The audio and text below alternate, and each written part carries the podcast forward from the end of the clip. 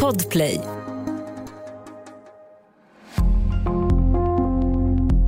Välkommen till True Crime-podden Sommar.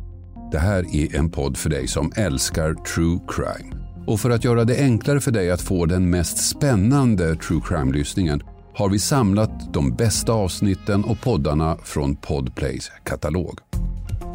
Vi hoppas att du ska få en riktigt bra och rafflande sommarlyssning och förhoppningsvis också hitta en ny favoritpodd hos oss på Podplay. Jag heter Hasse Aro och jag kommer att vara din guide hela sommaren. Tack för att du lyssnar.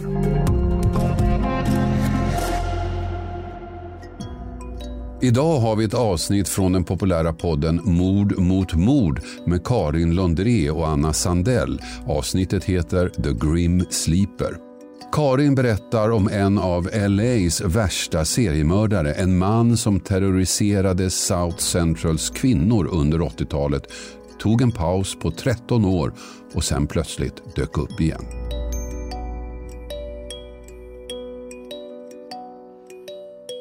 Kvällen den 20 november 1988 är Anitra Washington på väg till en kompis i South Central Los Angeles, USA. Anitra är eh, 30 år gammal och mamma till två barn. Hon har just varit i en affär och typ köpt med sig lite grejer som hon ska då ha med sig till sin kompis där hon ska här, tillbringa kvällen. Och när hon kommer ut från den här affären och börjar liksom gå mot sin vän så stannar en orange Pinto Äh, utanför Pinto? affären. Pinto? Vad är det? Hittade jag precis på att Nej, det är en bil. Det är någon film Nej. som jag inte kommer ihåg vilken det är där de har en Ja. Pinto. Ja, ja men det har, det, har, kanske? det har den här personen också. En orange Pinto. Eh, den stannar liksom utanför affären. Eh, vi är på West 81st Street och Western Avenue, typ där vid det hörnet. Eh, och mannen som sitter i bilen frågar om hon vill ha skjuts. Han är liksom en välklädd svart man och när Anitra tackar nej till hans erbjudande svarar han lite skämtsamt. That's what's wrong with you black women. People can't be nice to you. Och Anitra känner då så ett sting av det där, jag tror typ att man, man kan typ känna igen den här känslan. Hon får liksom en så sting av ett dåligt samvete som du vet så här, när typ ens magkänsla säger till en, jag vill inte vara i den här situationen, men när man typ agerar på den Så får man dåligt samvete. Typ, ja, för att man typ känner sig lite otrevlig. Ja, det var som när Eh, jag... och det är ja. Mm. fan vad hemskt det är. Va? Berätta, när du?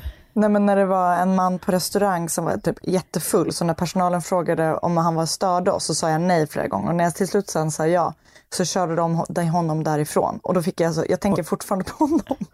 För så dåligt samvete, jag förstörde hela hans kväll för att han blev hemskickad från restaurangen. Han förstörde sin kväll. Ja. Men jag förstår precis den här känslan. Nej men det är, men det är ju exakt den känslan och den känslan att ehm, den kan liksom manipuleras och det är typ exakt vad som händer för Anitra. Hon känner så här, usch, typ nu, jag var nog liksom otrevlig mot honom och typ hon får lite dåligt samvete. Ehm, han är liksom ehm, hon tänker så här, hon bara, han är typ kortare än mig, han är typ trevlig, alltså han har liksom en skämtsam ton, de har typ lite så banter och han är typ välklädd. Alltså, han, han känns inte hotfull. Så att hon är till slut så här, hon bara, men okej då, du får, du får köra mig typ. Ehm, och hon hoppar in då i hans bil och snart märker hon att han typ kör en konstig väg. Mm. Och den hennes kompis bor liksom nära men han typ, ja men hon reagerar på hur, vilka vägval han gör typ. Så hon frågar honom så hon bara, var är du på väg nu? Och han säger då att han måste hämta en grej hos sin eh, uncle som bor runt hörnet. Och sen ska han köra henne till hennes kompis. Så han stannar utanför ett hus, hus på West 81st Street och går ur bilen. Och hon sitter kvar. Och när han kommer tillbaka så sätter han sig i bilen och kör iväg.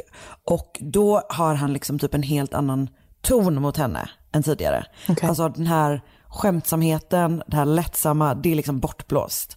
Och Anitra förstår snabbt att hon har begått ett stort misstag. För han börjar liksom skälla på henne och han använder typ ett namn som inte, alltså han använder en annan kvinnas namn. Och du vet hon är så här, du har nog missförstått, eller jag vet inte vem du tror att jag är. Att det blir liksom snabbt jätteobehaglig stämning liksom. Och plötsligt då, utan att hon ens hinner uppfatta vad som händer, så skjuter han henne i bröstet. Men gud. Hon förstår först att liksom det har hänt när hon typ tittar ner och ser att liksom så här, det sprider sig typ blod över hennes vita tröja. Men gud. Och hon frågar honom så här, hon bara varför? Ja, men jag tänker att det är en sån jävla Så chock, ja. Eh, Ja, total liksom bara. Och det, som jag förstår det, det går jättefort liksom. Mm. Så att hon frågar honom så här, hon bara, varför, varför gjorde du så? Vem, vem ska ta hand om mina barn nu? Och Mm. typ, du måste köra mig till ett sjukhus.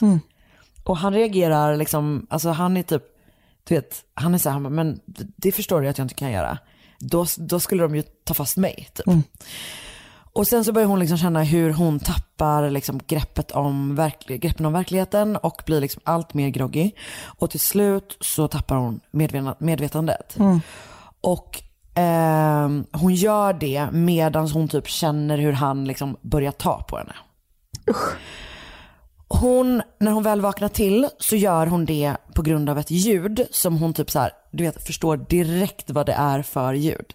Det är ljudet Nej. av en, en polaroidkamera. En blixt går av och sen puttar den här mannen ut henne på en mörk bakgata och lämnar henne där för att dö. Anitra som då, hon har liksom förlorat massor av blod så hon typ tuppar av igen. Men hon kommer att vakna till igen. Och hon lyckas ställa sig upp och typ förstå var hon är. Och sen, alltså hur, och även hur nära hon är sin kompis hus. Gud. Aha. Så hon börjar liksom, alltså du vet hon håller typ för sitt bröst, hon börjar typ släpa sig till sin eh, vän liksom. Och blir allt sämre och förlorar allt mer blod. Och sista biten så kryper hon liksom. Fram till då sin kompis dörr. Och sen lyckas hon liksom ta sig upp, ringa på kropp, klockan och sen så tuppar hon av utanför huset. Och Anitra Washington har liksom i den här vidriga, vidriga situationen haft tur för att när hon, ehm, alltså när hon kommer till sjukhuset och de ehm, kan se vart det här skottet har, tagit så märker de att den liksom, eh, kulan sitter bara ett par centimeter ifrån hennes hjärta. Okej. Men hon kommer att överleva. Hon har blivit skjuten med ett 25-kalibrigt vapen och det vapnet kan en rättsläkare snart konstatera är samma vapen som har använts vid ett antal andra mord i södra LA under de senaste åren.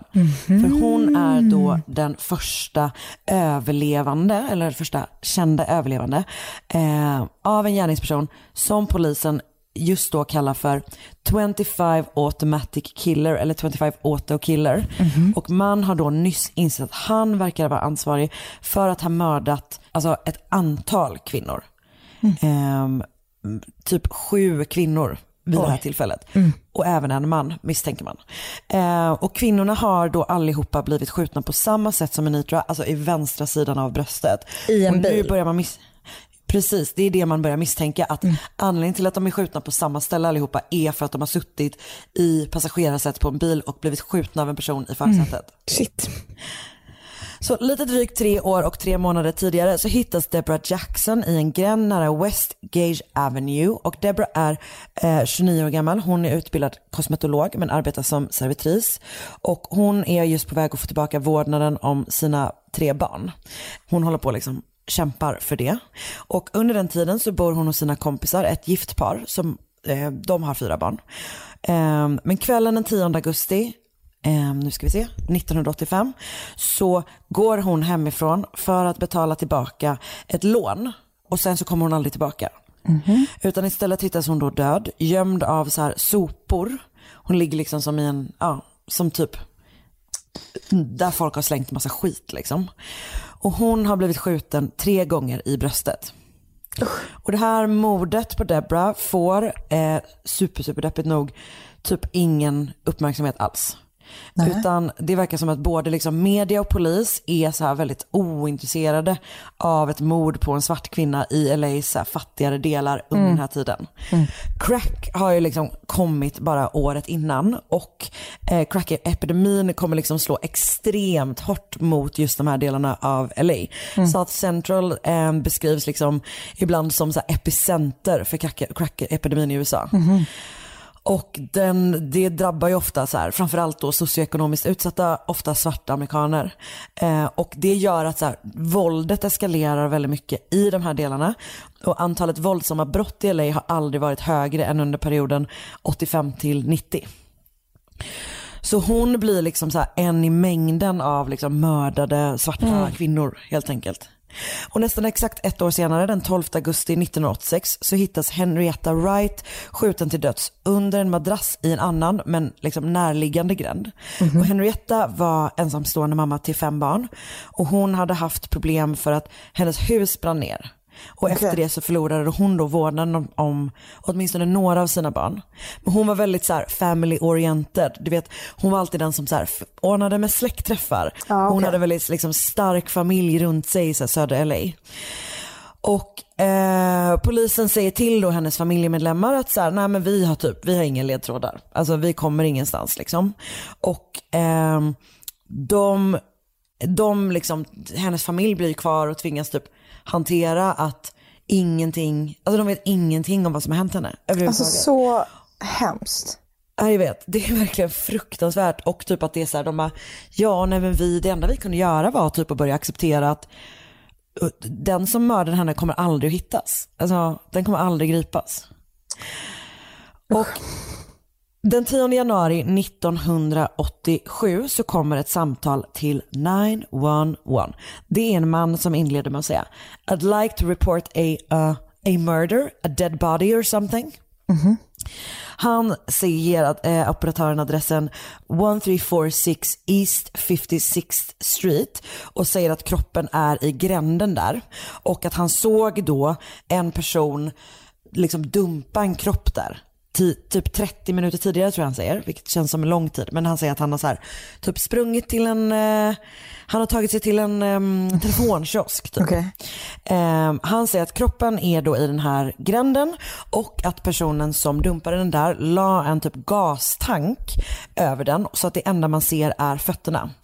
Han säger att eh, personen som dumpade kroppen körde en vit och blå Dodge van mm -hmm. och han kan till och med uppge registreringsnumret på den här bilen.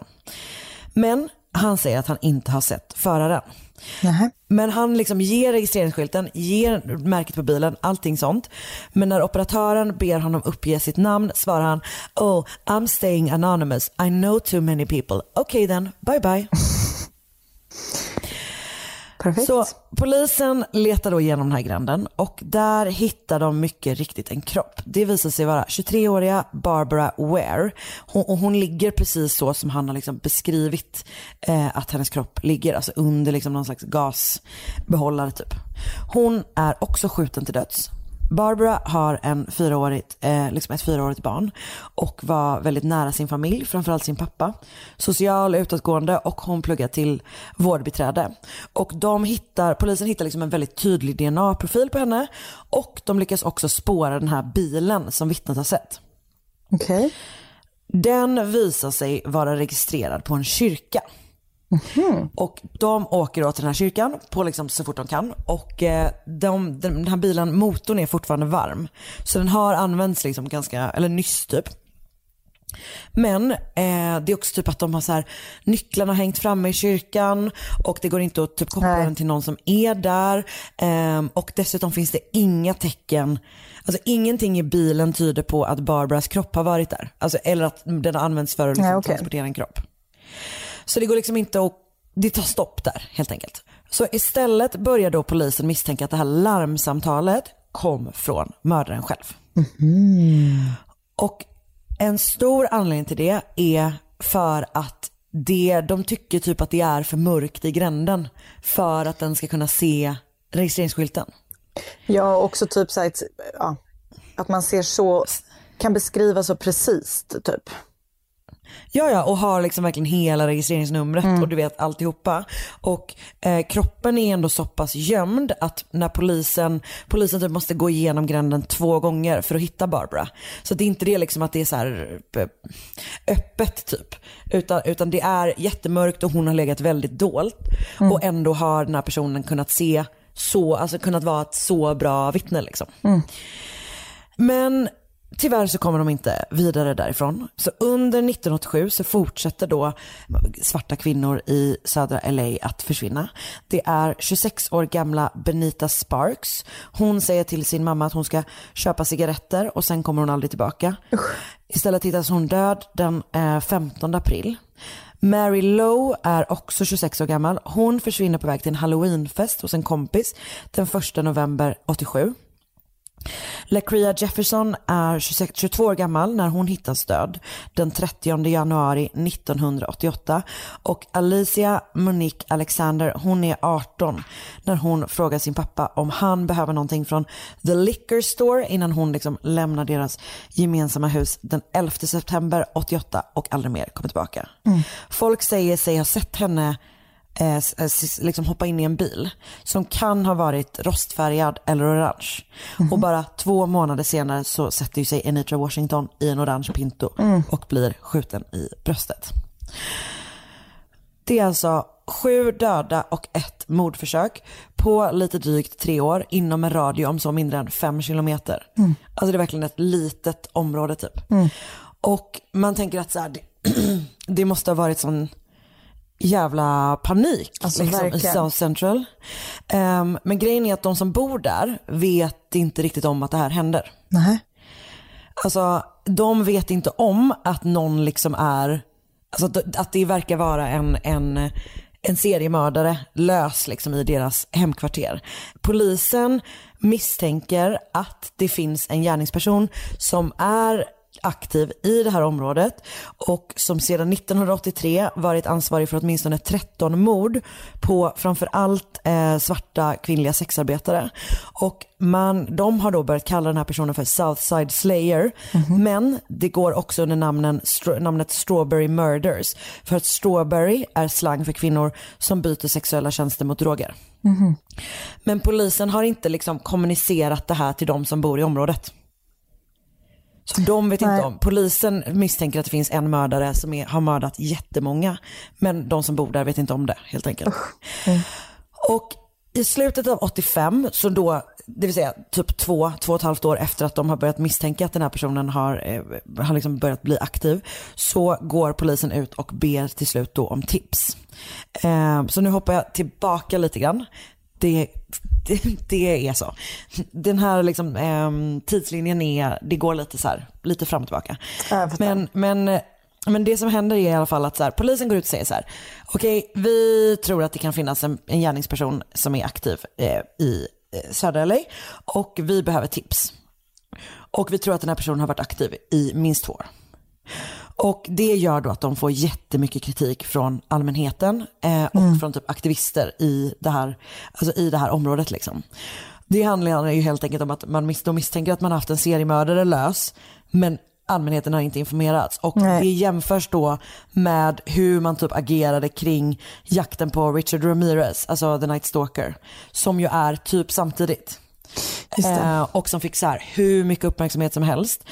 Och eh, ja, men det man menar är ju typ att så här, när det gäller liksom fattiga svarta kvinnor och inte minst då sexarbetare så ser det ut på ett helt annat sätt. Vilket ju vi läser om i så många fall. Ehm, så att det, det, är så här, det blir typ ett gäng liksom, ehm, grupper som typ samarbetar kring de här protesterna och, och, ehm, och jobbar liksom med för att skapa uppmärksamhet för de här morden helt enkelt. De typ demonstrerar utanför LAPDs huvudkontor. Men senare så bildas också en grupp som heter Black Coalition Fighting Back Serial Murders och som grundas av aktivisten Margaret Prescott. Och de pressar polisen att typ starta en task force och du vet så här belöningen höjs eh, till typ 25 000 dollar för tips och sådär. Så att de liksom måste helt enkelt agera på, på det faktum att de har en seriemördare on the loose helt enkelt. Men Efter ett tag inser polisen att Southside Slayer nog inte är en person. Nej. Man kommer senare misstänka att fyra eller fem gärningsmän är aktiva under samma period i samma område. Okej. Alltså det är en sån jävla mardröm. Alltså verkligen. Vad sjukt. Ehm, så att man, man kan typ så här, du vet man skiljer dem åt typ efter ett tag då med typ modus operandi och med vapen och alla sådana där saker. Ehm, men det som händer är typ att man inte kommer framåt fastän det då det sker så sjukt många mord. Så runt 87 stänger man ner taskforcen. Okej. Och det gör man då trots då att man åtminstone snart, liksom, eller att man har börjat binda ihop de här morden som sker med det här 25-kalibriga vapnet. Så att man har liksom så här, man har börjat göra den kopplingen mellan så här, okej men här är åtminstone du vet, en grupp av, av, eh, av mord. Men trots det så stänger man ner. Men det som händer då är ju att de i slutet av 1988 har ett överlevande vittne.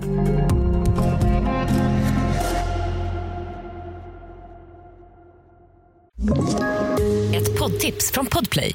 I podden Något Kaiko garanterar östgötarna Brutti och jag, Davva, dig en stor dos skratt.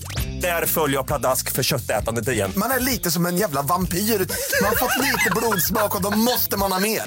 Udda spaningar, fängslande anekdoter och en och annan arg rant. Jag måste ha mitt kaffe på morgonen för annars är jag ingen trevlig människa. Då är du ingen trevlig människa, punkt. Något Kaiko, hör du på Podplay. Därför. Anitra Washington har överlevt sin attack och de börjar intervjua henne typ så fort hon har vaknat på sjukhuset. Och hon beskriver sin gärningsman som en svart man i 30-årsåldern med kort eh, hår och hon säger att han kändes eh, liksom preppy. Hon uppfattade honom som trevlig och ofarlig. Men han lyckades ju också då liksom så manipulera henne till eh, att få dåligt samvete när Alltså, hon tackade nej till att få det. skjuts. Ja, jag vet. Jag vet. Att han liksom fattar att så här, det här är ett smart sätt att få med någon i bilen. Nej, och det är ju uppenbarligen en person som har fått med sig så många kvinnor Nej, verkligen. i sin bil. Han vet hur man ska Ehm, göra. Ja, exakt. Och hon får då träffa en liksom sån, du vet, gärningsmannatecknare. Men det finns typ ingenting, alltså, det finns inget utstickande med den här personen. Nej. Ingenting i fantombilden är liksom eh, särskilt markant. Han ser typ ut som alla och ingen. Alltså han har inga speciella drag liksom. Och, men det som är ju att han eh, stannade ju vid ett hus och gick och hämtade något. Just det. Mm. Så polisen börjar liksom, alltså när hon typ är barely tillbaka på fötterna så, så kör polisen runt henne i det här området. Där hon blir kidnappad och till slut känner hon igen sig. Alltså hon är så jävla kämpe alltså, fy fan. Så att hon till slut är så här, hon bara, men här var det nog liksom. Och eh, det är då som sagt på West 81st Street och de är så här, okej men det här måste ha en koppling till gärningsmannen. Det här huset som han har stannat utanför måste vara kopplat till gärningsmannen. Men när de pratar med den mannen som bor där så inser de att så här, nej okej det här stämmer inte. Han har ingenting med det här att göra. Han har alibi, alltså han är inte, he's not our guy liksom. Nej. Och Vem är han? efter det här, ja men han verkar bara vara typ en random. Ehm, men vi, ja, vi kör på. För det går, det går, efter liksom den här attacken på Anitra så går det flera månader utan att fler offer eh, skjuts av samma, av den här liksom 25-kalibriga pistolen. Och utredningen stannar då av. Och polisen har funderat på varför så många kvinnor har satt sig i en bil med den här främlingen. Som sagt, vissa av dem var sexarbetare och det skulle kunna då göra att, så här, ja, men att, de, att de har träffat honom i sitt jobb helt enkelt och därför har har eh, bestämt sig för att åka med honom. Men det är inte alla som är det och dessutom så ganska många av dem är liksom så här, men du vet de, har säkerhetstankar och, och, och liksom, ehm, vad heter det, St- ja, men så liksom struktur in place sådär. Så att det verkar liksom otroligt att han åtminstone, mm, det är inte rimligt typ att alla bara har följt med honom helt enkelt. Nej. Så därför börjar de fundera på så här, okej, vem litar man på? Och de börjar tänka, kan det vara en polis? Nej, jag orkar inte.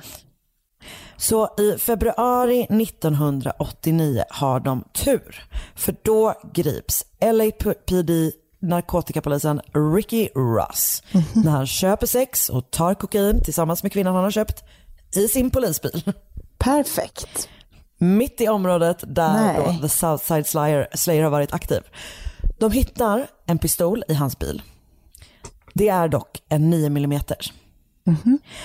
Men de tänker ändå så här, fan det här är ändå en riktigt bra gärningsman. Alltså vad är oddsen för att, liksom vi har, för att de här trådarna går ihop just här? Verkligen. just nu. Ricky Ross grips för morden på tre sexarbetare. De har skjutits med 9, mi- en 9 mm pistol, som jag förstår det. Så att jag, jag hittar inte namnen på dem, för att som jag förstår det så grips han inte för något av de här tre som jag har berättat om nu. Okej. Eh, men man kopplar i alla fall honom till tre mord med hjälp av vapnet. Och, ehm, men plötsligt så drar man tillbaka allting. Så den här liksom narkotikapolisen grips in the act. Du vet han försöker typ fly från polisen. Alltså det är verkligen, det är inte bra typ. Nej. Eh, de säger att de, att, de har, eh, att de har bevis på att hans vapen har använts vid mord. Och sen helt plötsligt så är det som att eh, det bara tvärvänder. Och då är det liksom poliser, eller experter som säger att polisen har, eh, att man har gjort fel när man har testat vapnet. De påstår också att man faktiskt egentligen inte har um, något bevis på att han har tagit droger. Okej. Så att det liksom är så här, är det bara så att de är typ desperata för att hitta en gärningsman?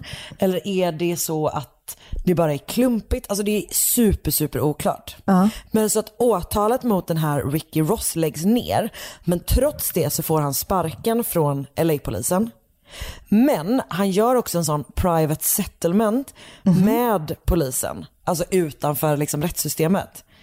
Vilket ju potentiellt då skulle kunna tyda på att polisen har gjort något knas under den här, Alltså, ja. liksom, ja sådär. Ehm, så att, men trots det, alltså trots då att han frias och att han liksom som sagt får den här, de kommer den här överenskommelsen, så är det gott, alltså det finns gott om eh, poliser som utreder de här morden i South Central under den här tiden, som är helt övertygade om att de har rätt gärningsman i Ricky Ross. De har bara inte kunnat bevisa det. Och det, den liksom teorin förstärks bara efter, av att man, efter att han har gripits, så hittar man inga fler sexarbetare skjutna med samma vapen. Nej.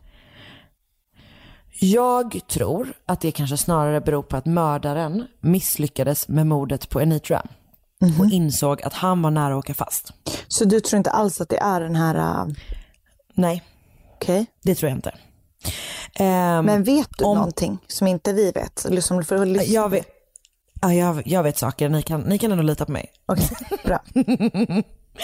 Eh, om den här personen bytte modus operandi eller slutade döda, det vet man inte.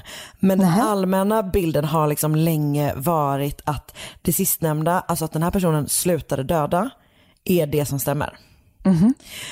Och det är också anledningen till varför han typ 20 år efter attacken på Enitra får det smeknamn då som de flesta känner igen honom som idag. Som är The Grim Sleeper. Och Enitra tror förresten att hon eh, har träffat på sin gärningsman Nej. igen efteråt. För att lite drygt ett år efter eh, eh, hennes attack så, är, så stannar en man henne på gatan och frågar om hon, så hon, han bara, do you recognize me typ? Och hon, har ing, alltså hon känner inte igen honom överhuvudtaget. Och då typ bara ler han mot henne och går vidare. Och först när han liksom har gått därifrån så är det bara som att du vet så här, nackhåren ställer sig upp på henne. Men sluta. det var han. Eh, det var han som försökte döda henne. The Grim Sleeper försvinner från LAs gator. 80-tal blir 90-tal. Hela 90-talet passerar. Sen blir det 2000-tal. 2001 bestämmer sig LAPD för att på bred front börja använda sig av DNA, DNA-teknik för att hitta på gamla cold cases. Alltså det måste varit Så ändå sjukt spännande. en sån jävla tid. När de bara, vi har den här nya tekniken. Är det Eh, för nu kan vi eh, liksom, ballt? Ja, det måste verkligen varit en, eh, ja, starkt. Och de har ju massor av fall. Och de har massor av tester att testa. Och nu kan de liksom börja göra det för att få nya resultat och förhoppningsvis lösa lite mord. Och det finns så kallade rape kits från tre av eh, The Grim Sleepers offer. Och dessutom har man, och det här är så jävla äckligt, man har då hittat DNA från saliv på flera av offrens bröst. Alltså det, Det är för äckligt. det är Alltså. någonting med det som är så jävla... Det är riktigt äckligt. Mm. Eh, just det, jag kan också säga det att det är först 2008 som han officiellt, som han får namnet The Grim Sleeper. Men jag kommer börja kalla honom för det nu. Ja. Eh, 2003 har man en tydlig DNA-profil för gärningsmannen. Alltså de har liksom en toppen-profil på den här personen. Den är super, super tydlig. Och eh, man börjar då testa den här profilen mot öppna utredningar först. Och då får polisen en chock. För den seriemördare som de då trott slutat mörda är ansvarig för minst två mord på 2000-talet. Så han är liksom, han är tillbaka. Och det verkar då, vilket ju är varför han får sitt smeknamn, som att han har tagit en 13 år lång paus efter attacken på Anitra Washington fram till ehm, 2002. Eh, tidigt 2002. För då hittas den 14-åriga Princess Berthamew mördad. Och hon har liksom haft ett så här jätte, jättetufft liv. Hon har typ åkt in och ut ur fosterhem hela sitt liv. Och den 21 december 2001 så har hon anmält saknad av sin dåvarande fostermamma. Och som sagt, den, eh, eller, fyra månader senare, den 19 mars 2002, så hittas hon då död i en gränd i Inglewood. Och det andra offret man kan knyta ihop med den här mordserien på 80-talet är Valerie McCorvey. Valerie är 35 år gammal och den 11 juli 2003 hittas hon död av en trafikpolis i en annan gränd i södra LA. Och de har då båda utsatts för sexuella övergrepp och strypts. Så att han har ändrat sin metod. Eh, Men bra att liksom känna till är att Ricky Ross, han eh, dog en månad innan Valerie dog. Så han, det kan liksom inte vara han som är, som är skyldig helt enkelt. Intressant. Men hur som helst, alltså den här gärningsmannen, eller det som är intressant med det här är ju också att det känns som att det finns en sån allmän sanning som man som typ true crime-fan tar del av till höger och vänster.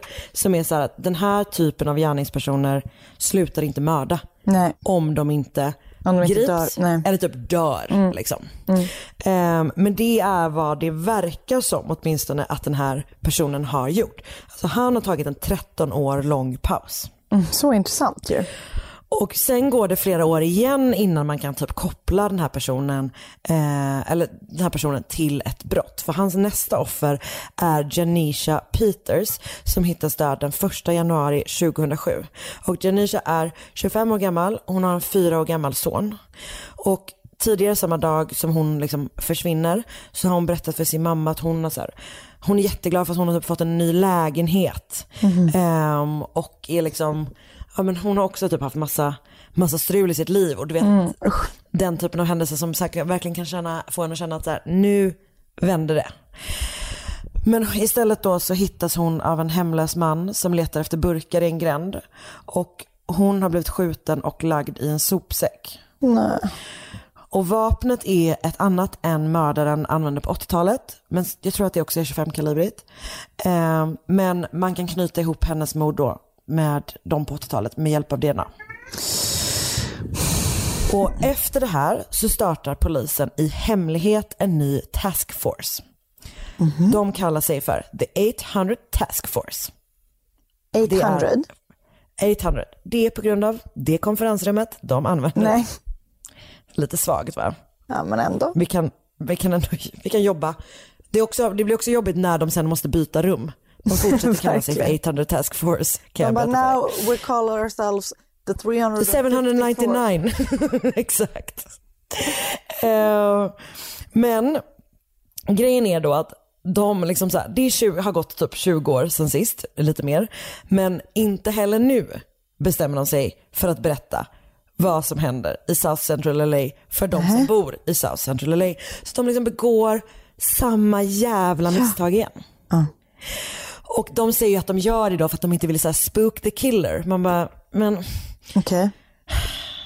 det kanske typ ändå är bra om kvinnor folk. är medvetna. Ja, exakt. Så kanske typ lite färre personer kan dö.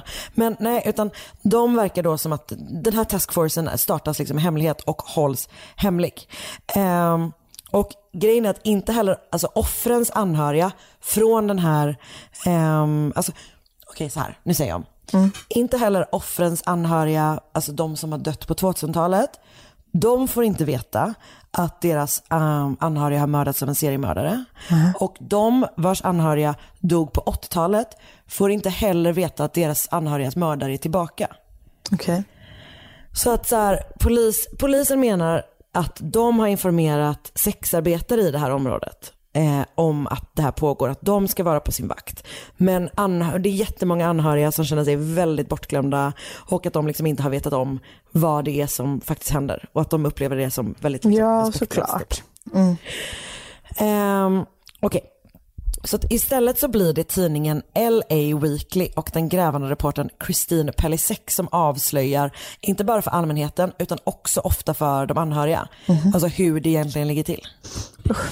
Så hennes reportage Grim Sleeper Returns, He's Murdering Angelinos as Cops Hunt His DNA kommer ut sommaren 2008 och det är också hon då som ger mördaren namnet The Grim Sleeper på grund av att han har haft den här liksom, sömnperioden. Och efter att det här stora liksom, reportaget kommer ut så börjar det till slut hända saker kring det här fallet. Så att man börjar, ehm, alltså under de, liksom, de kommande åren så börjar man till exempel sätta upp så stora billboards runt om i det här området med bilder på, delvis på offren men också på den här fantombilden som Anitra, Anitras vittnesmål gav. Och ehm, man erbjuder också upp till en halv miljon dollar för tips som leder till hans gripande. Fallet eh, hamnar i America's Most Wanted, alltså de pratar om det där. Och man släpper också det här 911-samtalet som kom in i samband med att Barbara Wares kropp hittades 1987. Och som man då alltid misstänkt att mördaren själv ringde. Just det. Så man börjar liksom höra sig för om eh, någon kanske känner igen den här rösten. Man tror att eh, den personen som, alltså när man typ tar in experter så, så ehm, landar de i att den personen som ringer typ gör, eh, liksom gör sig till lite grann. Men att det ändå ehm, borde typ kunna gå att identifiera. Alltså tänk att höra någon man känner i det Jag samtalet. vet, jag vet. Alltså fy fan. Så chocken. Men också väldigt, väldigt svårt. Alltså röster tycker jag i allmänhet, när man inte har ehm, kontexten, är ju väldigt svåra att känna igen. Alltså Eh, även när man ja, har det en liksom. Jag håller med. alltså även när man har en liksom väldigt eh, tydlig röst så tycker jag att det är svårt att känna igen det. Mm, jag håller med. Vi har ju en bekant som gör, som gör reklamröster ibland. Mm. Och det är ju första gången man insåg det, att man bara, vad i helvete? Nej men, jag vet. Eh, det har du faktiskt rätt i. Chocken. Ja. Um, Okej, men så nu till slut, det är typ så här, från då 2008 så har det här fallet börjat få bred uppmärksamhet. Och det gör att det kommer in så jävla många tips. Tusen tips kommer in. Och du vet så här, polisen topsar hur många som helst. Som sagt, de har ju också en jättebra DNA-profil. De kan typ inte förstå att den här personen inte finns i några register. Nej, Alltså en person som har mördat så många Nej under så lång tid verkligen. måste ju vara dömd liksom. Mm. Men eh, man hittar ingenting. Okej. Man topsar loss, ingenting, alltså ingenting kommer fram. Ehm, och polisen börjar fundera på om inte en, eh, liksom, en ny sorts teknik skulle kunna användas. Ehm, vår vän familial DNA. Spännande. Ja. Ehm, och det är ju inte det som vi ser idag, eller som vi såg till exempel i Golden State Killer-fallet, där ju offentliga eh, DNA-register användes ehm, för att göra familje-DNA-sökningar. Utan det här är ju, handlar ju om att söka på samma sätt fast i polisens DNA-arkiv. Och ehm, det har liksom aldrig använts i Kalifornien innan. Det är superomdiskuterat om huruvida, alltså i flera stater, om huruvida man ska kunna använda det här vid den här tiden. Ehm, men det som Det finns några då inom polisen som liksom driver på det här och vill börja använda den här tekniken och menar att the Grim Sleeper-fallet är liksom det perfekta fallet. För att man har en så bra DNA-teknik. Det är också ett superhögprofilerat fall. Eh, det borde gå att lösa. Liksom. Så att till slut då så får man okej på att göra det här. Polisen ska för första gången få göra en familje-DNA-sökning. Tydligen är Kaliforniens DNA-register är tydligen typ det är så tredje största i världen. Alltså det är jätte, jättestort. Det är typ så här, stor, hela, hela USA, hela Storbritannien och typ något mer är liksom det enda som är, de, de topsar loss helt enkelt. Det, ja. Ehm, så de, hösten 2008 gör de till slut sin familje-DNA-sökning. De får inte en enda träff. Men gud. Så att det är så här, det, alltså det, det som är sjukt med det här fallet är hur jävla lång tid det tar. Även nu liksom. Även nu när han är tillbaka så tar allting så sjukt lång tid. Så att det enda de kan göra är att så här, de har det i bakhuvudet och sen så tänker de så här, vi testar en gång till för att det kanske har kommit in nya DNA-profiler i registret. Sommaren 2010 så gör de en ny sökning Okej. och då hittar de en man som har dömts för vapeninnehav Okej. och som är nära släkting till den personen som har mördat alla de här kvinnorna. Nej.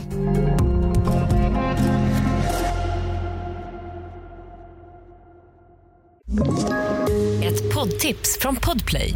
I fallen jag aldrig glömmer djupdyker Hasse Aro i arbetet bakom några av Sveriges mest uppseendeväckande brottsutredningar.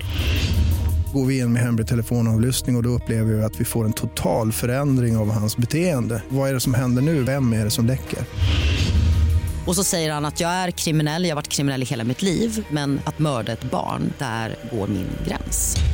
Nya säsongen av Fallen jag aldrig glömmer på Podplay. De inser att det kan bara vara, alltså när de så här kollar på du vet, vem som bor vad och vad de gör och så vidare, så inser de att det bara kan vara en av mannens släktingar som är the Grim Sleeper. Okej. Det är hans pappa. Nej. Hans pappa heter Lonnie David Franklin Jr. Och han, det jävla aset, föds den 30 augusti 1952 och växer upp i samma område som han senare kommer att mörda i, södra LA. Och det finns ganska lite information om hans bakgrund men det man vet är att han efter high school går in i mil- militären och blir sta- stationerad i Tyskland. Men därifrån så blir han, du vet sån dishonorably discharged. Ja. Man kan väl bli antingen honorably eller dishonorably. Han är definitivt det sistnämnda. Han slängs helt enkelt ut från militären 1975 efter att han tillsammans med två stycken andra militärer har våldtagit en 17-årig tjej i Stuttgart under knivhot.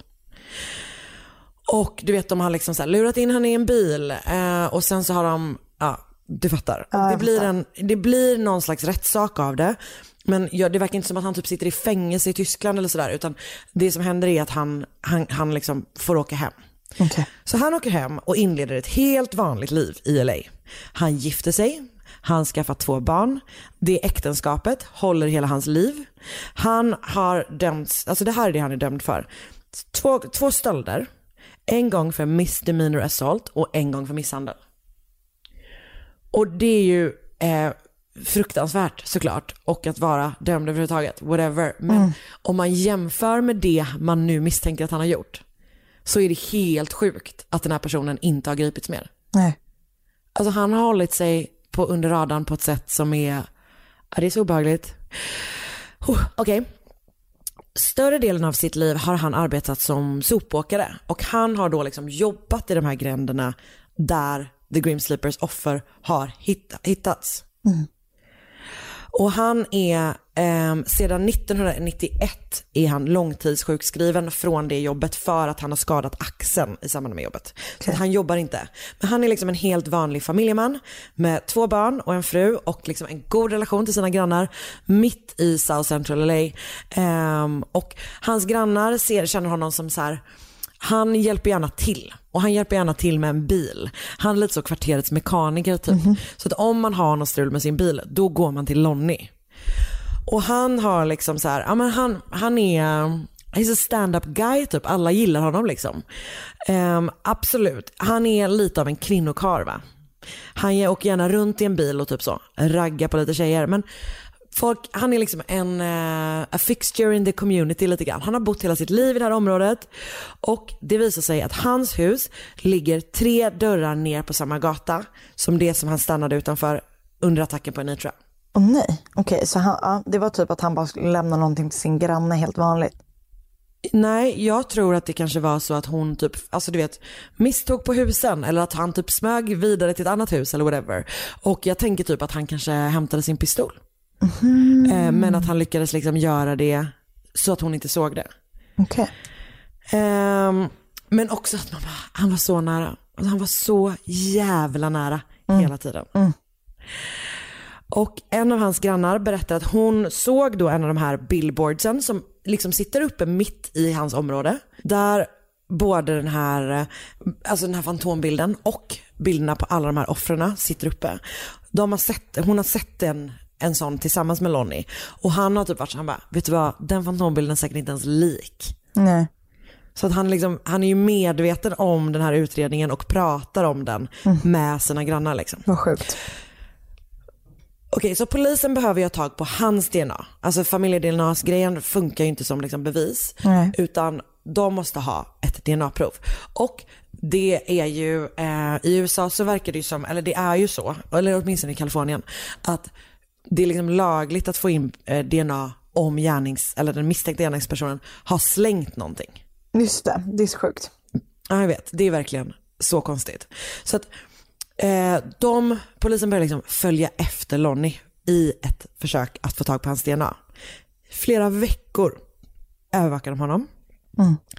Han slänger ingenting. Inte en cigarett, inte en pappersmugg, alltså ingenting. Mm. Så att han liksom övervakar dygnet runt. Polisen börjar bli allt mer desperata. Men den 5 juli 2010 får de sin chans. För då är Lonnie bjuden på pizza party. Yeah. Och alltså på liksom en, en någon så snabbmatsrestaurang. Och de ser honom gå in och han sitter, alltså det finns liksom övervakningsbilder på det här. Han sitter bara typ och har en, alltså någon av hans typ kompisar fyller år. Mm. Och han sitter och typ käkar pizza där liksom. Mm.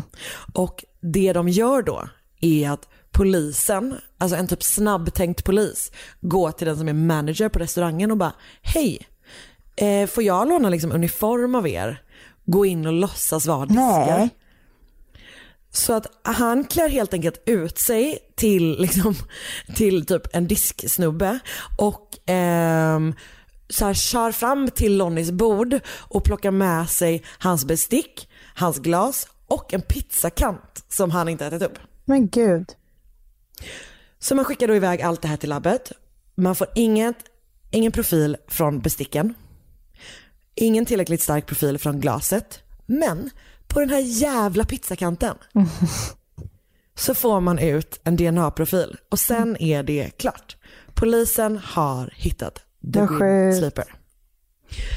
Och så man bara, ät dina fucking kanter. Men det är väl de som är godast? Uh, jag tycker inte Lani tydligen. Nej. Han, he likes the feeling. Um, Lonnie Franklin Jr grips då under en av de största husrannsakan i LAs historia. Han förnekar allt. Han är också ett riktigt as under sina förhör. Du vet, han konfronteras typ med bilder då på sina offer. Han är så här, men han typ garvar och liksom är så här riktigt av, av, avvisande typ. Att de bara, eh, de bara känner igen henne, han bara, she's butt ugly. Och sånt. Alltså, du vet, han liksom, Alltså, ja. uh, panik verkligen. Han är extremt irriterande. Så att han förnekar allting. Men, och trots då att de är så här, ja ah, fast din DNA-profil är på de här kvinnorna som hittats mördade under så här lång tid. Alltså du vet verkligen så. Men han, mm. han är inte med överhuvudtaget. Men till slut då så hittar polisen under den här jättestora husrannsakan bevis som stödjer teorin att det är Lonnie som är eh, mördaren. Man, de hittar pistoler, flera stycken, 25-kalibriga. Inte det som har använts på 80-talet dock. Eh, de hittar trosor från Nej. många olika kvinnor. Och sen så märker de typ att så här, en vägg i garaget typ har lagats med gips. Mhm. Och sen så tar de upp den väggen. Nej. Och där inne hittar de tusentals polaroidbilder Nej. på kvinnor och timmar av filmmaterial. Och de här kvinnorna är allt från tonåringar till medelålders. Många är typ nakna eller barbröstade åtminstone. Vissa är livlösa på bilderna. Det är svårt att liksom avgöra om de lever eller om de är eh, medvetslösa. Mm. Men en av dem som man hittar en bild på är Anitra Washington. Och hon har då på sig samma, liksom, samma topp som hon hade vid den här tiden. Eh, samma vita topp som är liksom blodfläckad på bröstet. Vad sjukt. Och många av de här kvinnorna är oidentifierade. Man vet inte, och man vet ju inte heller om det är så här, lever de? Är de, eh, alltså, är det, är det kvinnor han har känt? Alltså man vet ju ingenting liksom. Så att polisen släpper en del bilder till allmänheten för att försöka ta reda på vilka de är. Och börjar ju liksom få så här, men massa olika besked från massa olika håll. Ehm, men baserat på det man vet nu och den informationen man har fått från de här bilderna så tror polisen att Lonnie Franklin Jr har mördat mellan 15 och 30 kvinnor. Shit. Han har också mördat en man som är mitt under den här 80-tals Just spreen det. liksom. Och det misstänker, misstänker man att han har gjort för typ att han var på väg att bli avslöjad eller typ att han kände någon av offren eller sådär. Han kommer då att åtalas för 10 av de här morden. Eh, det är de jag nämnt tidigare och då den här attacken på Anitra Washington. Han döms 2016 till döden. Men han kommer aldrig hinna avrättas utan den 28 mars 2020 hittas Lonnie Franklin Jr död i sin cell på Death Row i Sa- San- San Quentin-fängelset. Och vad jag kan hit- hitta har man aldrig, alltså dödsorsaken har aldrig avslöjats. Okej. Men det verkar som, eller det man säger är typ att han verkar ha dött en naturlig, av naturliga orsaker. Han har liksom, han, det är inte det att hans kropp har typ utsatts för en massa våld eller så. Nej, okej. Polisen har då teorier om att Lonnie kan ha mördats så tidigt som på 70-talet. Man misstänker också att hans liksom, smeknamn kanske typ inte är rätt. Utan att man tror att han har mördat under även de här 13 åren som man tidigare har misstänkt att han inte gjorde det. Mm, fast på Utan, ett annat eh, sätt typ. Ja exakt, att man bara inte har lyckats koppla honom till några, till några fall då liksom. Under hans rättegång så presenterar man bevis på ytterligare fyra mord. Alltså inte som, eh, eh, han är inte åtalad för dem utan jag tror att de bara används som liksom för att stötta fallet typ eller vad man ska säga. Ehm, och ett av dem, mordet på Georgia May Thomas, skedde år 2000 vilket alltså då är under den här pausen typ. Och av de ungefär tusen bilderna som hittades bakom den här gipsväggen i garaget under husrannsakan så släppte polisen 180 bilder på kvinnor som de inte hade kunnat identifiera. Och 2016 så var 35 av dem fortfarande o- oidentifierade. Shit. Så det var Vad sjukt. the grim sleeper. Väldigt läskigt. Alltså Ja, så är- lång period. Det är helt otroligt. Men det är ju också någonting med, för han var verkligen du vet den här, den här mardrömsbilden av den vanliga, den vanliga grannen, alltså den vanliga familjemannen, pappan som liksom under så lång tid vet tagit tusen bilder. Det är så äckligt. Och det är så läskigt att de är inne i gipsade tycker jag, bilderna. Jag vet. Och jag tänker, jag antar typ att när man är, alltså that type of deranged, bara vetskapen om att de typ, det materialet finns Jag skulle precis säga det. Det måste vara en laddning i sig. Att, eh, Ja. mm, Usch. vad äckligt. Och Väldigt. jag har då, det finns ju typ numera en hel del om det här fallet. Så att om man vill liksom förkovra sig, ett vidrigt ord, så finns det liksom gott om dokumentärer och poddar och sådär. Och jag har då sett dokumentärerna The Face of Evil, The Grim Sleeper och People Magazine Investigates The Grim Sleeper. Båda de två finns på, vad heter det, Discovery Plus. Mm. Eh, jag har också då läst Christine Pelliseks artikel för LA Weekly som jag nämnde tidigare. Men också en long read för ehm, Time av Terry McCarthy. Den har rubriken The Case of the Grim Sleeper. Två LA Times artiklar. En från 85 av Ron Harris med rubriken Pickets pro protest police handling of prostitutes deaths. Man bara, that's part of the problem. Att du precis pratade om det så. Eh, och en från 2016 av Stephen, C- Steven Caesar som har rubriken LAPD, eh, LAPD believes Grim Sleeper Grim Sleeper Serial Killer Never Actually Slept. Sen har jag också läst Britney Daniel för Ebony, The Grim Sleeper and the Invisibility of Black Female Victims och sen har jag sett Southern California Public Radios tidslinje för fallet och även varit en hel del på Wikipedia. Härligt. Oh, det här är ju ett av, eller har väl typ blivit liksom på senare tid, ett av de här klassiska amerikanska California seriemördarfallen typ.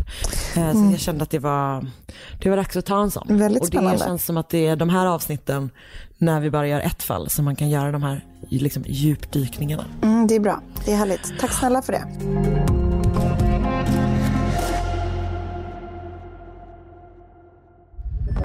Podplay, en del av Power Media. Ett poddtips från Podplay.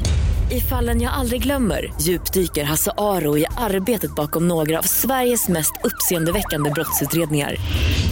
Går vi in med hemlig telefonavlyssning och, och då upplever vi att vi får en total förändring av hans beteende. Vad är det som händer nu? Vem är det som läcker?